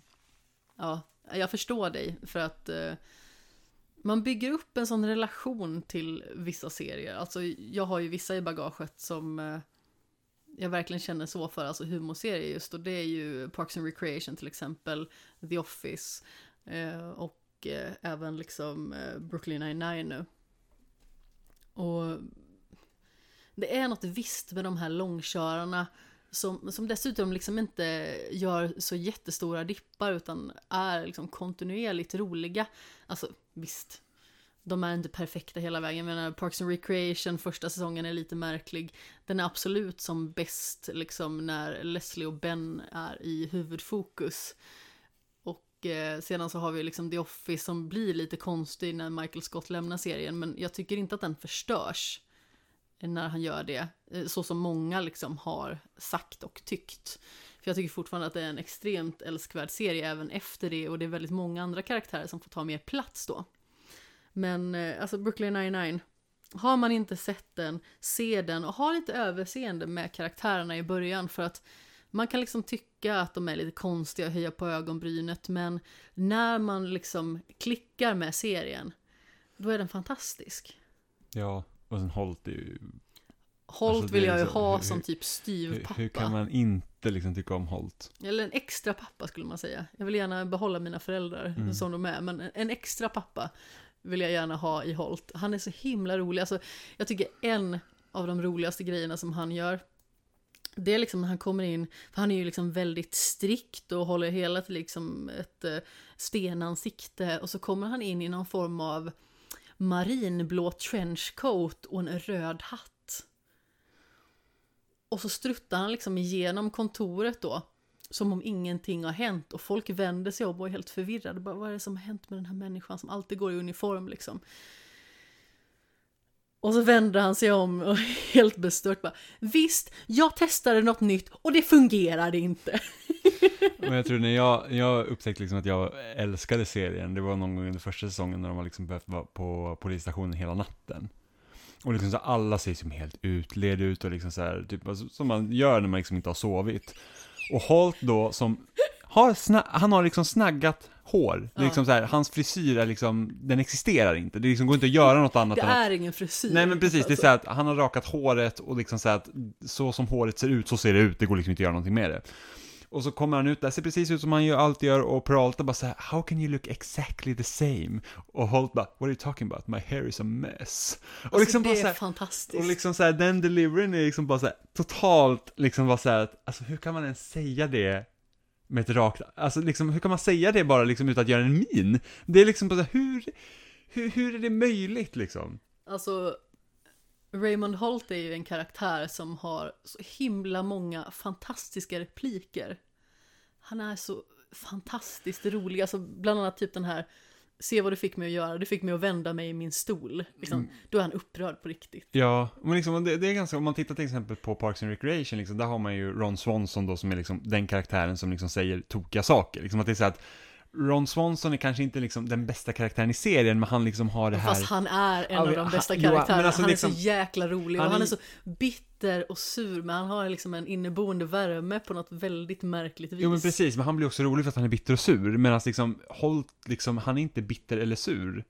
Han bara är Ja, liksom... men, ja, han, eh, han liksom är, han är inte, han, han, alltså de, i Brooklyn Nine-Nine, de har liksom lyckats göra trevliga karaktärer med liksom, med, liksom sina egenheter utan att man liksom ska störa sig på något eller liksom att de ska liksom bara ge sig på andra hela tiden. Ja, men alltså vi har ju Parks and Recreation till exempel när de hela tiden ger sig på Jerry. Och Ja, jag, ja. jag tycker att det är så himla tråkigt. Eh, Det blir lite uttjatat efter ett tag. Ja, men utan liksom någon anledning. Det, liksom, det ska bara vara kul för att någon är elak mot någon. Utan någon anledning egentligen. Ja, och visst, att vara elak mot någon, det kan vara roligt någon gång. Alltså, nu menar jag liksom inte i verkliga livet, utan då menar jag liksom att man ger någon en syrlig kommentar eller liksom... Eh, jag vet inte, snoppar av någon. Det är Mm. väldigt roligt tycker jag. Eh, och det kan oftast vara det liksom i serier så. Men det kan också bli för mycket. Mm. Och jag tycker att eh, Brooklyn 99 har liksom en sån eh, bra komponerad knasighet på något vis. Och det är en så fin blandning av karaktärer. Jag tror jag har hållit det en av min favorit. Alltså han är så himla, Ja, himla, himla är rolig. Sen vill jag ju faktiskt slå ett slag för Scrubs också. För att det är liksom så att, i, av någon anledning, så jag tycker om läkarserier. Liksom så här House, Grey's Anatomy, alla de spin-offs som kom där, eller vad det var. Eh, Jag är ju likadan med kriminalserier. Mm, jag vet inte, det, det är någonting, jag vet inte, det är någonting det här med att liksom, de får träffa många olika människor som kommer in med sina egna problem och bla bla som liksom gör oss intresserade. Och speciellt, alltså de tidiga säsongerna av Grey's Anatomy är verkligen så här, de är kanon. Liksom, det är typ det sorgligaste, för, ja, det är en serie jag fortfarande följer. Så det är typ det sorgligaste när man liksom så här, man ser typ något nytt avsnitt av Grey's Anatomy så bara, ja men det, det är liksom så här, det är comfort food typ. Och sen ser man liksom något avsnitt från kanske typ säsong två och man bara, fy fan vad den här serien var bra. Och vad den liksom inte är på samma nivå längre och har inte varit på säkert tio år.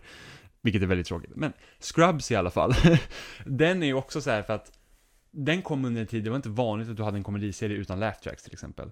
Så vilket gör att Usch! då kan du liksom inte hänga skämten då inom citattecken på laugh tracks. Mm. Eh, det är ingen som bestämmer åt dig vad som är roligt och det gör att man måste vara lite förnuligare. Laugh tracks är ju djävulens rövhål. Alltså jag avskyr laugh tracks. Mm. Alltså du och jag kollar ju på vänner just Mm. nu och eh, det är lite blandat mottagande. Kan man säga. Från mitt håll. Ja, jag älskar den serien så att det är Mm. liksom... Jag vet att du gör det. Det finns vissa saker som är roliga men det finns också vissa saker som eh, jag liksom förstår liksom inte hur det existerar bara ungefär. Mm. Och jag liksom sitter och äggar upp mig och blir liksom irriterad på vissa saker. Men det var inte det som var Mm. grejen utan det var att där finns det laugh tracks. Mm. Och det är så irriterande. Och det är så här, det här var inte ens roligt! Vad skrattar ni åt? Är ni helt från vettet? Sluta! Mm. Och då skrattas ju bara för att liksom, det, det ska vara ett skratt. Det är samma sak med... Gay! Ja, Man bara det, såhär, det är inte roligt att skämta om det här det är samma sak med Big Bang Theory till exempel. Eh, men, men Scrubs hade inte laugh tracks när den kom och liksom var ganska ovanligt. Och den är också liksom att man får gå igenom här när de liksom är läkarstudenter och liksom ska bli, bli liksom vuxna människor så att säga och liksom, och, och de människor de träffar liksom, det, det, trots att det är en komediserie så kan den vara ganska, den kan vara väldigt mycket känslosam, liksom att den, den, liksom, den, den tar tag i, i svåra saker liksom och behandlar tunga ämnen ganska frekvent. Eh, liksom cancer och liksom så här förlorade familjemedlemmar och det är liksom, och det är inte så konstigt när man heller gör en serie som utspelar sig på ett sjukhus för att liksom, där kommer det hända ganska mycket liksom eh, tragedier.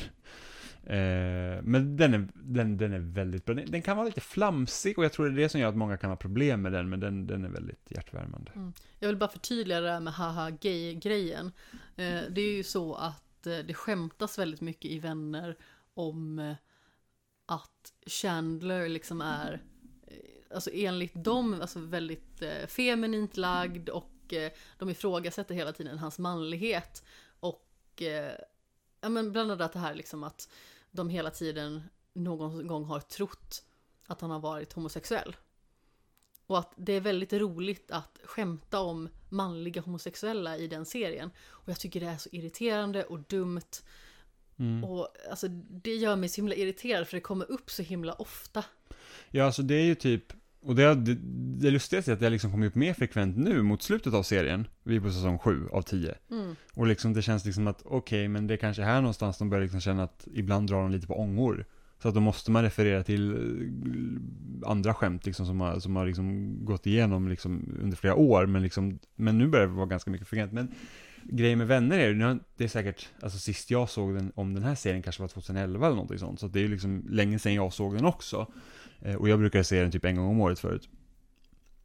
Och det är det att det finns en väldigt smal liten ruta om hur människor ska vara. Och allt utanför Och i det... den står det normal. Ja men precis, och allt utanför det, det är liksom så här att Gud vad konstigt, det måste vi skämta om typ. Så att det är liksom, och det lustigaste är för att den, den är liksom progressiv på vissa grejer, som till exempel i, i eh, Ross fru är ju lesbisk och har liksom en lesbisk eh, partner såklart. Jo men det är det som är så himla märkligt. Det är okej att vara kvinna och homosexuell. Men det är inte okej att vara man och vara homosexuell. Det, Det- då är det konstigt. Det är okejare att vara lesbisk, men liksom, för Ja, det, det var ju, mer okej, för att det absolut, var ju ja. liksom ett skämt, var ju det att Ross har haft en fru som är lesbisk. Det är skämtet. Haha. Precis. Eh, och, och det är liksom Men just det att man kan liksom, för att, för att Vänner var också ganska progressiv när den kom, för det handlar väldigt mycket om relationer och sex och sådana grejer på tv, vilket inte heller liksom var jättevanligt på det sättet, och speciellt inte i en komediserie och så. Och speciellt då har du liksom ändå tre kvinnliga karaktärer som pratar precis lika mycket om relationer som män gör, alltså liksom sex och sånt, även om det liksom, de har en väldigt tydlig bild av vad som är kvinnligt och vad som är manligt. Mm. Det Eh. finner jag otroligt irriterande. Mm, ja, det, det är ju liksom, det är väldigt märkligt när man liksom ser det med dagens ögon. Eh, och liksom så att det, den är inte så gammal ändå. Nej, men man känner ofta liksom i den här serien att allt som går utanför den här lilla, lilla rutan som är normrutan för vänner. Det är liksom så här, det är konstigt och det skämtas om på ett ganska osmakligt vis. Mm. Och jag har väldigt svårt för det. Mm. Men eh, hur som haver, vi ska gå vidare till nästa kategori, eller nästa tips. Och eh, då vill jag att du ska tipsa om en bok eller en bokserie.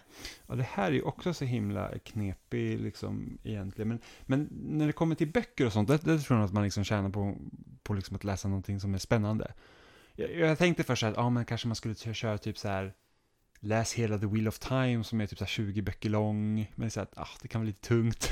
Eller typ. Just det, det var ju faktiskt eh, en eh, författare som jag tror skrev klart den va? Ja, ah, precis. Det är för att eh, Robert Jordan som har skrivit. Han dog. precis, exakt. Var det Sanderson var det? Minns ej. Som Jag, skrev klart. jag, jag, Nu killgissar jag.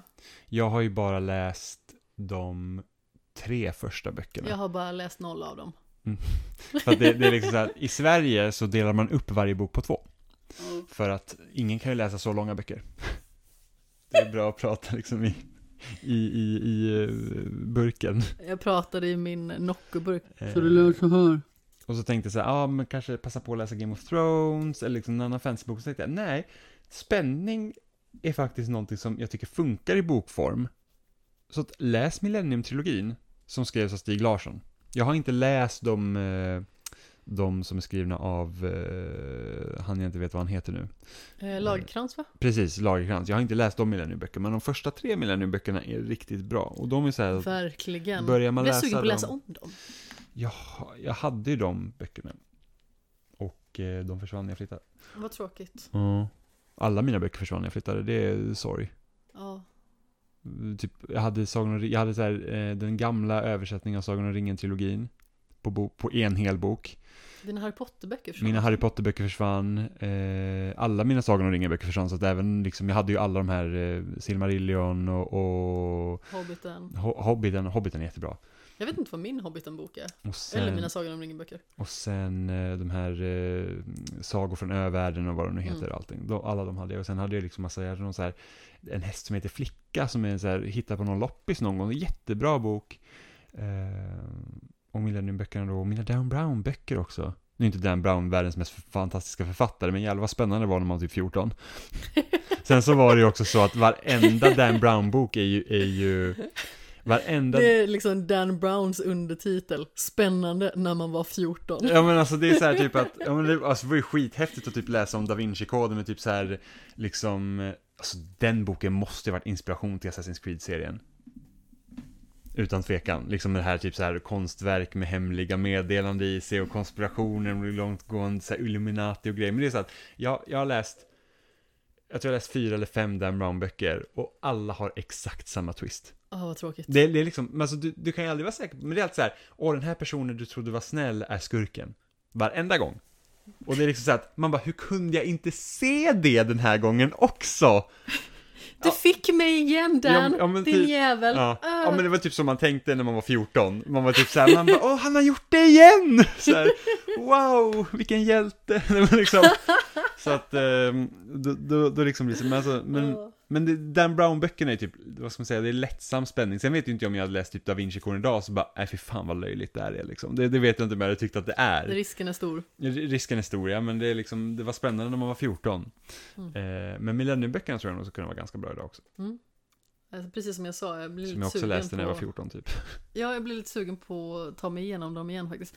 Det som jag tycker är så himla fint, det är ju att jag upptäckte ljudbok väldigt sent. Jag önskar att jag hade gjort det tidigare, för det känns som att det finns så himla många mer böcker som jag hade kunnat konsumera över tid. Men eh, det är ett väldigt fiffigt sätt. Ifall man känner att liksom tiden är knapp så är det ett väldigt fiffigt sätt att konsumera böcker på. Alltså, jag vet att du gillar ju till exempel inte att lyssna på bok. Men jag tycker att det är väldigt skönt att ha en ljudbok för att det går att ta till sig det när man gör så himla många olika saker. Vissa grejer liksom Eh, alltså jag vet när jag har spelat Fifa till exempel så har jag suttit och lyssnat på ljudbok samtidigt. Eller när jag har skissat eller vad det liksom nu kan vara. Eh, även när jag har typ gjort yin-yoga så har jag suttit och lyssnat på bok. Eller suttit, jag har legat ner också. Alltså, alltså ett problem jag har med att lyssna på ljudbok, det är att jag lyssnar på så väldigt mycket poddar. Jag... Och, det är, och det är veckopoddar, så att det är så att om jag liksom miss, alltså missar jag, jag ligger konstant efter nu, by the way, alltså, när man inte är lika mycket själv längre, så då blir det ju så att man har inte lika mycket tid att lyssna. Nu tycker jag att vissa såg lite dömande ut. Mhm, stör mitt podcast-lyssnande, men så att jag liksom... Jag ber om ursäkt. Jag, jag släpar ju efter med typ två veckor konstant liksom, försöker hålla, hålla uppe tempot. Eh, just med att man har de här veckopodcasterna. Alltså, och, det är så att, och jag älskar ju poddformatet väldigt mycket. Alltså, jag lyssnar på väldigt många. Jag skulle ju såklart kunna kapa. Det finns ju poddar jag vet att den här ska kunna kapa. Men jag är också sån här människa så jag fäster mig väldigt mycket. Jag förstår dig. Jag är precis likadan, liksom att man känner att, eh, ja men...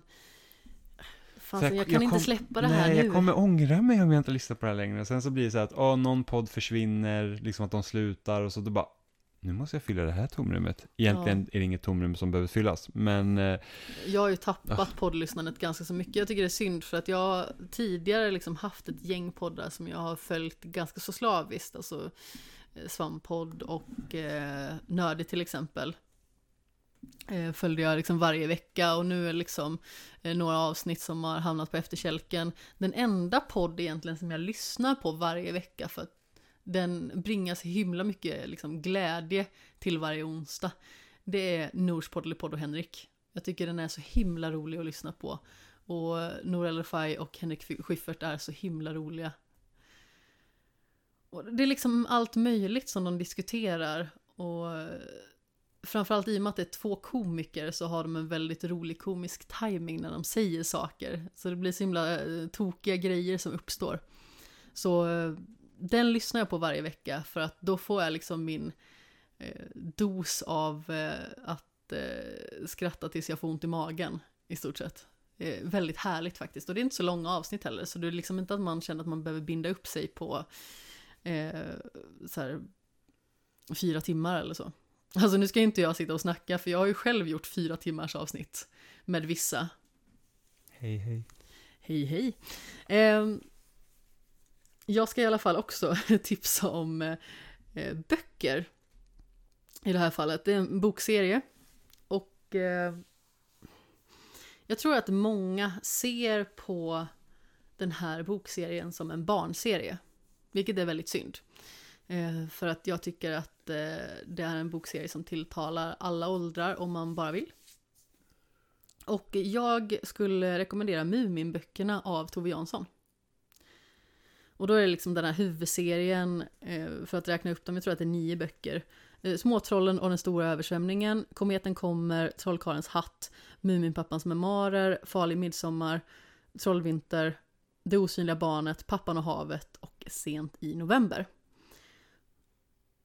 Och alltså Mumin är ju någonting som ligger mig varmt om hjärtat sedan jag var liten. Jag började ju titta liksom på den animerade serien som barn.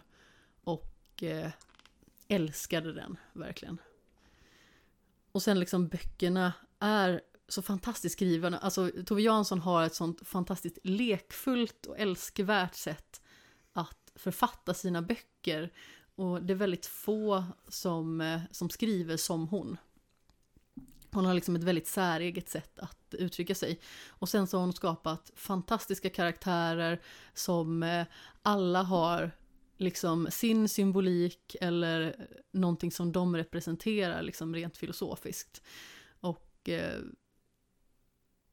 jag har liksom inte, när jag var barn naturligtvis, reflekterat så mycket över sånt, utan det är liksom mer när jag har blivit äldre och eh, läst om böckerna igen. Och nu har jag liksom även köpt om dem. För jag vet inte vad Muminböckerna är om jag ska vara helt ärlig.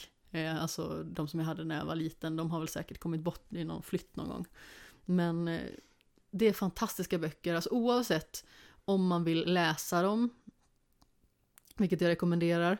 Eh, men jag har också lyssnat på dem. Så jag har konsumerat dem, oj, ursäkta. Din röst gick precis i två toner. Vad normala Amanda. Jag har druckit lite mycket kolsyra under den här Mm. Ja, det kändes som att jag verkligen så här skändade Mumin-monologen. Men jag har också lyssnat på Muminböckerna med Mark Levengood som uppläsare. Och det var också jätte, jättemysigt. Mm. Så det kan jag rekommendera varmt liksom. Det är en så hjärtvärmande upplevelse. Alltså, allt med Mumin är fantastiskt. Den liksom ställningen har jag ju. Mm. Jag har ju bara sett den animerade serien. Ja, jag vet att du har sagt att du inte sett allt, så det ska vi också göra. Nej, jag har inte sett allt, nej. Jag kommer ihåg, det finns ett avsnitt med något sånt här spökskepp. Det avsnittet har jag aldrig sett klart. Men Tyckte du det var för läskigt? Gud, jag och min syrra, vi sprang ut ur, vi, vi var hos min moster i Finland. Eh, och eh, när vi, de skulle gå till typ deras grannar och typ käka middag någonting, så fick vi vara hemma kvar själv i, eh, i huset. Och så satte de på Mumin, de hade liksom inspelat på band, satte de på Mumintroll där. Och så kom vi till det där spökskeppet, vi var skiträdda, så jag satt uppe på vinden liksom. Så vi sprang ut och gömde oss till buskarna. Alltså morgon är ju det läskigaste tycker jag. Ja, jag var livrädd för morgon när jag var liten. Jag är fortfarande livrädd för morgon. Ja, morgon är fan läskig alltså. Det är typ morgon och The Grudge-ungen liksom. Det kan inte gå hand i hand. Ja. Men alltså, är det någonting läskigt jag drömmer om så är det ofta morgon. Men det har jag ju deklarerat tidigare så vi behöver liksom inte gå in på det mer. Men eh, som sagt, är en serie liksom som jag har eh, älskat ända sedan jag var barn och som eh, jag älskar väldigt mycket fortfarande. Och det ska bli väldigt mysigt när vi ser igenom den. Jag såg faktiskt Kometen kommer för inte så länge sedan. Mm. Bara för att eh, det är liksom eh, en av mina favoritfilmer. Jag älskar den, den är så himla fin. Och framförallt liksom att det är liksom så här startskottet i Mumindalen på något vis. När karaktärer får lära känna varandra. Det är också väldigt härligt. Mm. Men böckerna är eh, magiskt bra. Jag vet inte riktigt vilken som är min favorit, men jag tycker om Pappan och havet väldigt mycket. Den är liksom obehaglig och eh, spännande samtidigt också. Och det sista är en lite luddig kategori. Eh, det är liksom ingen så här eh, popkulturell yttring, eller vad man ska säga. Det kan det vara också ifall man vill tolka det så. Men det är någon form av aktivitet. Alltså eh, tips om aktivitet som man kan göra för att liksom förgylla tillvaron lite. Alltså jag har en sån himla cop-out på den här. Jag kunde verkligen bara komma på en grej, jag kände såhär att det här är liksom perfekt. Och det är fan spela mer spel. Alltså spela mer tv-spel, hitta, hitta ett multiplayer-spel och spela med kompisar, liksom umgås på det sättet, det är helt fantastiskt. Jag kommer ihåg när Fortnite blev jättestort och det kom typ artiklar så bara Folk umgicks, i Fortnite. Så åh, de, de liksom, barnen de spelar tillsammans men de, de typ tävlar inte för det är inte det primära utan det är att de umgås via spelet och man bara Please, jag har umgås i spel sedan 2008 liksom. Det är liksom, fast så är det när man liksom bor på landet, har en potatis-internet typ, det är liksom det att man åker inte och träffar folk och sen så har jag, jag har alltid haft, av någon anledning så har jag liksom fått kompisar från människor som, alltså blivit kompis med människor som bor väldigt långt bort. Just för att liksom jag har varit tidig internetanvändare och liksom hittat liksom personer som delar mina intressen på nätet snarare än liksom sådana som jag faktiskt har nära. Eftersom det är så att i min familj så har vi alltid varit intresserade av hästar, eller ja, min familj har varit intresserad av hästar, jag har inte varit lika intresserad av hästar, vilket gör det så att Visst, man har hästarna där och sen när man är klar med hästarna så gör man något annat medan familjen har varit såhär, åh nu är vi klara med hästarna där, nu går vi och gör mer hästsaker. Och så har aldrig jag haft det. Eh, utan jag är liksom så att, jag har alltid varit intresserad av typ spel, läsa, man, alltså liksom så här, jag har alltid haft andra intressen utöver hästarna. Eh, och då blir det liksom så att, ja men sök mig till Nintendo-forumet, bli medlem där liksom och sen snackar man liksom spel så ofta man kunde liksom med folk som faktiskt också var intresserade av spel. Vilket också gjort att när man började spela på nätet så började man också spela med folk som bor inte nära, utan liksom kan bo var som helst. Eh, och så blir det liksom så att många av mina kompisar har ju lärt känna via spel. Och då är det så att det är så vi umgås. Vi spelar tillsammans. Och det är liksom så att även om vi spelar liksom eh, matcher i Halo, eller om vi sitter liksom och samarbetar i Stardew Valley, eller om vi liksom eh, bygger i Minecraft, så, så liksom om jag spelar Halo så är inte det liksom, eh, liksom med Oliver till exempel, så är inte det för att åh nu ska vi tävla liksom, utan då är det ju så att åh vad kul det är att spela med Oliver, för det är så vi umgås. Alltså jag har ganska så hög igenkänningsfaktor i det här, liksom att man träffar folk på andra håll. Jag har liksom aldrig haft så himla mycket vänner nära till hands, utan de vänner jag har haft, alltså framförallt när jag var som mest aktiv som bowlingspelare, så fick jag ju vänner hela landet över. Och det kunde liksom vara att eh, den personen jag hade liksom bäst kontakt med bodde på Gotland liksom. Och då är det jobbigt. Det är fan svindyrt att åka båt till Gotland. Ja men alltså man bor långt ifrån varandra och man träffas liksom eh, kanske nu är det ganska så ofta för att inte träffas ofta, men man kanske träffades cirka en gång i månaden om man hade tur liksom. Eh, just för att man träffades oftast på tävlingar. Och sedan så var det övernattningar och, och sådant. Eh, och sedan när det intresset började dala lite granna så väcktes ju å andra sidan mitt spelintresse och där har jag ju fått jättemycket vänner eh, på den vägen.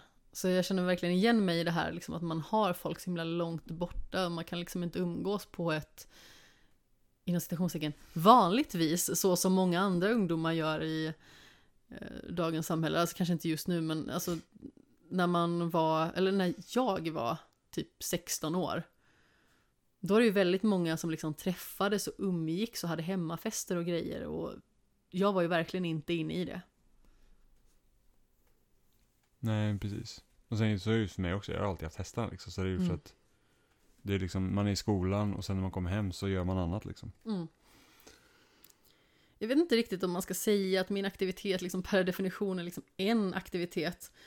Men det jag känner liksom att just det här med att man är så eh, begränsad som man är just nu. Det är att det är väldigt bra att finna någonting att snöa in på eller förkovra sig i. Det finns ju så himla mycket där ute bara man har liksom ett litet intresse av det. Eh, och framförallt så finns det så himla stor tillgänglighet, alltså med internet till exempel. Man kan lära sig mycket, man kan eh, ta del av mycket fakta kring saker, alltså sådant. Alltså det kan vara allt ifrån att man eh, vill bemästra yoga eller lära sig att baka eller teckna eller lära sig allt om rymden. Alltså, det kan liksom vara vad som helst. Att finna det där lilla kornet intresse någonstans och verkligen få det intresset att explodera och blomma ut. Alltså jag vet ju att det var så till exempel för mig med spel. Och det har ju under de senaste åtta åren växt något enormt. Jag menar, från att eh, spela ett eh, tio timmars spel liksom till att eh, recensera stora titlar och eh, prata om det och skriva om det och alltså dylikt. Alltså, man kan göra så himla mycket eh, med ett intresse. Och det behöver liksom inte vara intressen man gör i grupp. Utan det kan liksom vara något eget. Och precis som jag nämnde till exempel yoga, en sån sak.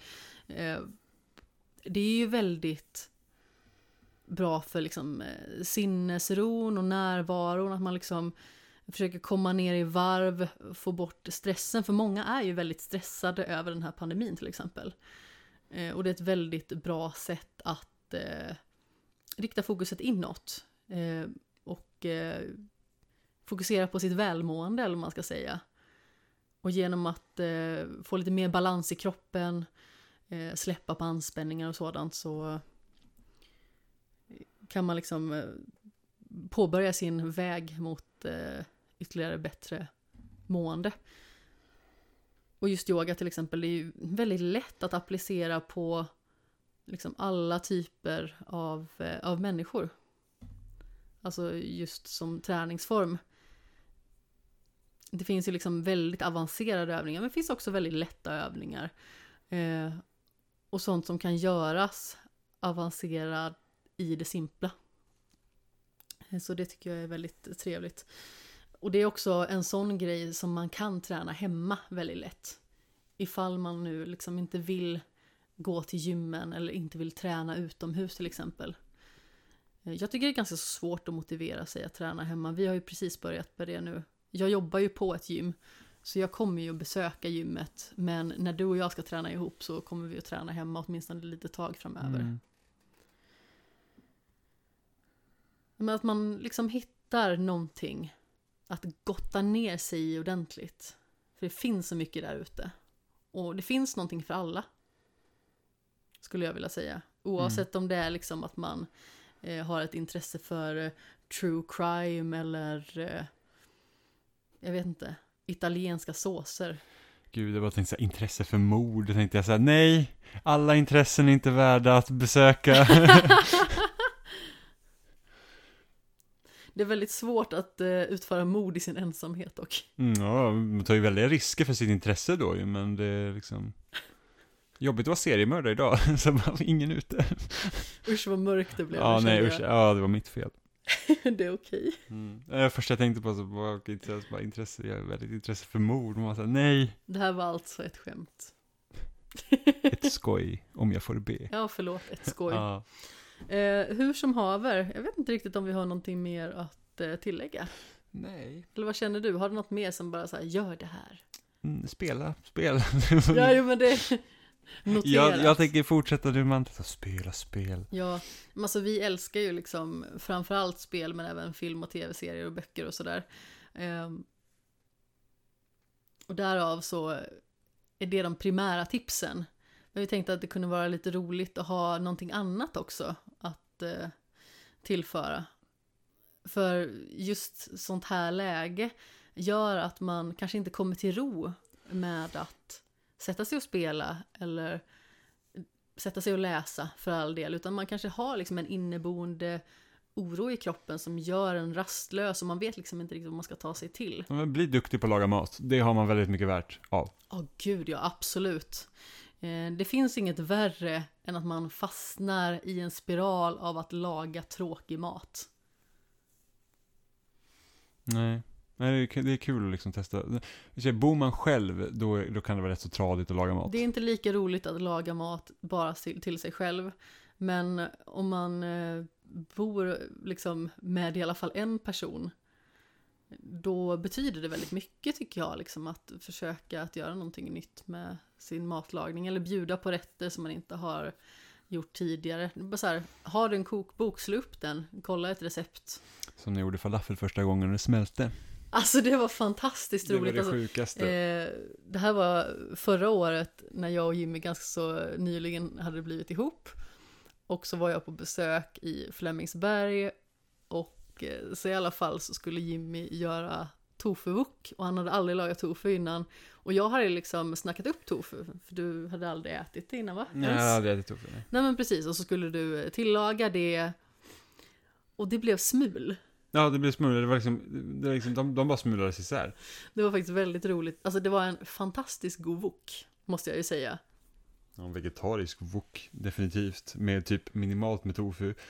Det var liksom verkligen så här, det var typ som att någon hade typ Sprinklat. sprinklat över lite tofu på den här woken. Jättemärkligt. Men falafeln tagit upp priset. Ja, alltså det var, Det var så, så här, himla roligt. Gjort min falafelsmet, gjort ett, skulle göra ett stekprov. Jag ska säga så att man liksom så här, är det rätt smaker i det? Och liksom bara så här, bara, la inte jag i något i pannan? Ja, det var så himla roligt för du Så- vände dig liksom bokstavligen till mig och pratade med mig om någonting. Mm. Och så jag Och så så här, kollade du tillbaka på pannan och bara, den har försvunnit. Ja men såhär, jag bara, la inte jag i något i pannan? Så bara, nej, så tog jag till liten liksom grej och la i den där och så pratade vi, sen så bara, den också bort, så bara, nej det här är jättekonstigt, bara, den måste liksom ha, Mysteriet med den försvunna alltså jag, falafeln. bara, jag fattar liksom ingenting, så bara, om jag rullar en hel falafelboll då och steker liksom, så här, det, det bara tvärsmälte. bara försvann. Helt, bara helt försvann, och så såhär bara, åh. Alltså det var liksom så himla, och då, då läste jag ju sen att nej man ska inte köpa kikärtor på sån här tetrapack som är liksom redan blötlagd, utan man ska köpa liksom kikärtor som är torra och blötlägga själva, för annars blir det så här. Ja, eh, de behöver vara lite fastare Så liksom. det jag fick göra var liksom så här, jag gjorde en enkel panering på de här jäkla falaflarna och sen så typ in i ugnen istället. Mm. Det blev väldigt gott. Alltså de blev jättegoda, Mm. men det var ju så himla komiskt när du tittade bort, pratade med mig, tittade tillbaka, falafeln är försvunnen. Ja, det var liksom så här, den har liksom bara hoppat iväg. Ja, jättemärkligt. Det, det finns inget som är så sorgligt när liksom det går snett vid matlagning. Ja, det är faktiskt väldigt tråkigt. Alltså, Jag vet, jag har haft några sådana grejer när man har liksom inte fått till smaken. Och man kan liksom inte för sitt liv begripa vad det är man har gjort annorlunda den här gången, för det brukar inte smaka på det här viset. Och man får liksom inte till det och man står och liksom bara så här, ja, men det kanske behövs lite mer salt.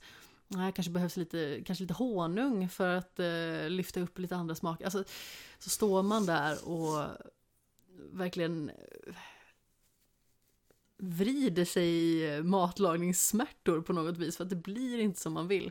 Men eh, å andra sidan, det är väldigt tillfredsställande när man lagar någonting som är jättegott och helst om man liksom har någon att dela det med. Mm. Tycker jag. Men alltså som sagt, man har väldigt mycket för att eh, lära sig att laga mat. Eh, om, man, om vi säger ordentligt, det låter så himla fånigt att säga på det viset. Eh, men ifall man liksom är en person som kanske på sin höjd kokar makaroner och steker falukorv. så kanske man borde ta tillfället i akt liksom och vidga sina vyer lite om man vill. Man kanske inte vill, men om man vill. Så det är liksom ett bra läge. Men om man har liksom något mer tips, tänker jag, då kan man ju faktiskt höra av sig till oss och kan vi ta upp det i nästa avsnitt. För det är liksom roligt om man sitter på något så här jättetrevligt tips där ute och vill dela med sig till allmänheten. Och det kan man skicka in antingen på Instagram eller Twitter på snabla skamshogen. Vi finns naturligtvis på Facebook och vi finns där poddar finns. Man kan skicka mail till oss på snabla skamshogen. Eller skäm... Givetvis Man kan skicka mail till oss på skamshogen.gmail.com Vart finner man dig Jimmy? Eh, Jag skriver om spel på loading.se och jag poddar i eh, Spelsnack. Och eh, det är jag också. Så ifall man vill höra oss prata om mer aktuella spel till exempel och eh, konsolsläpp så har vi precis eh, för några dagar sedan släppt ett avsnitt där vi pratar om Xbox Series X. Vi pratar om Assassin's Creed Valhalla och vi pratar om Marvels Spider-Man Miles Morales. Så eh, det kan man liksom lyssna på ifall man känner att ja, men jag vill ha lite mer aktuella spel och sånt. Och sedan så har vi också skrivit recension på Assassin's Creed Valhalla, som du har skrivit då. Mm. Och jag har skrivit på Spider-Man Miles Morales. Så det finns också att läsa på loading. Ifall man är intresserad av eh, sådant, ifall man liksom står i valet och kvalet i vilket nästa storspel man ska investera i. Sådär. Och eh, vi hörs ju så snart som möjligt igen. Det är ju lite lurigare att eh, passa in det här i schemat än spelsnack i och med att det är veckovis. Så man eh, kan lyssna på spelsnack ifall man vill höra oss varje vecka, eh, gagga om spel. Och ivägsvävningar som att eh, vår katt Nemo försökte äta min chokladboll till exempel. Nej, han trodde att det var bajs. Jag tror inte han försökte äta det. Det är han din försökte, hypotes. Han försökte rädda den från den. Jag tänkte, vad håller du på med? Du kan äta bajs med kattsand på. Alltså jag vill ju bara påpeka att sen när jag hade tagit en tugga på den så slickade han på den också. Så i så fall har han också ätit bajs. Ja, han är ett djur. Och jag tycker att vi håller där för idag. Puss i ljumsken. Hej då!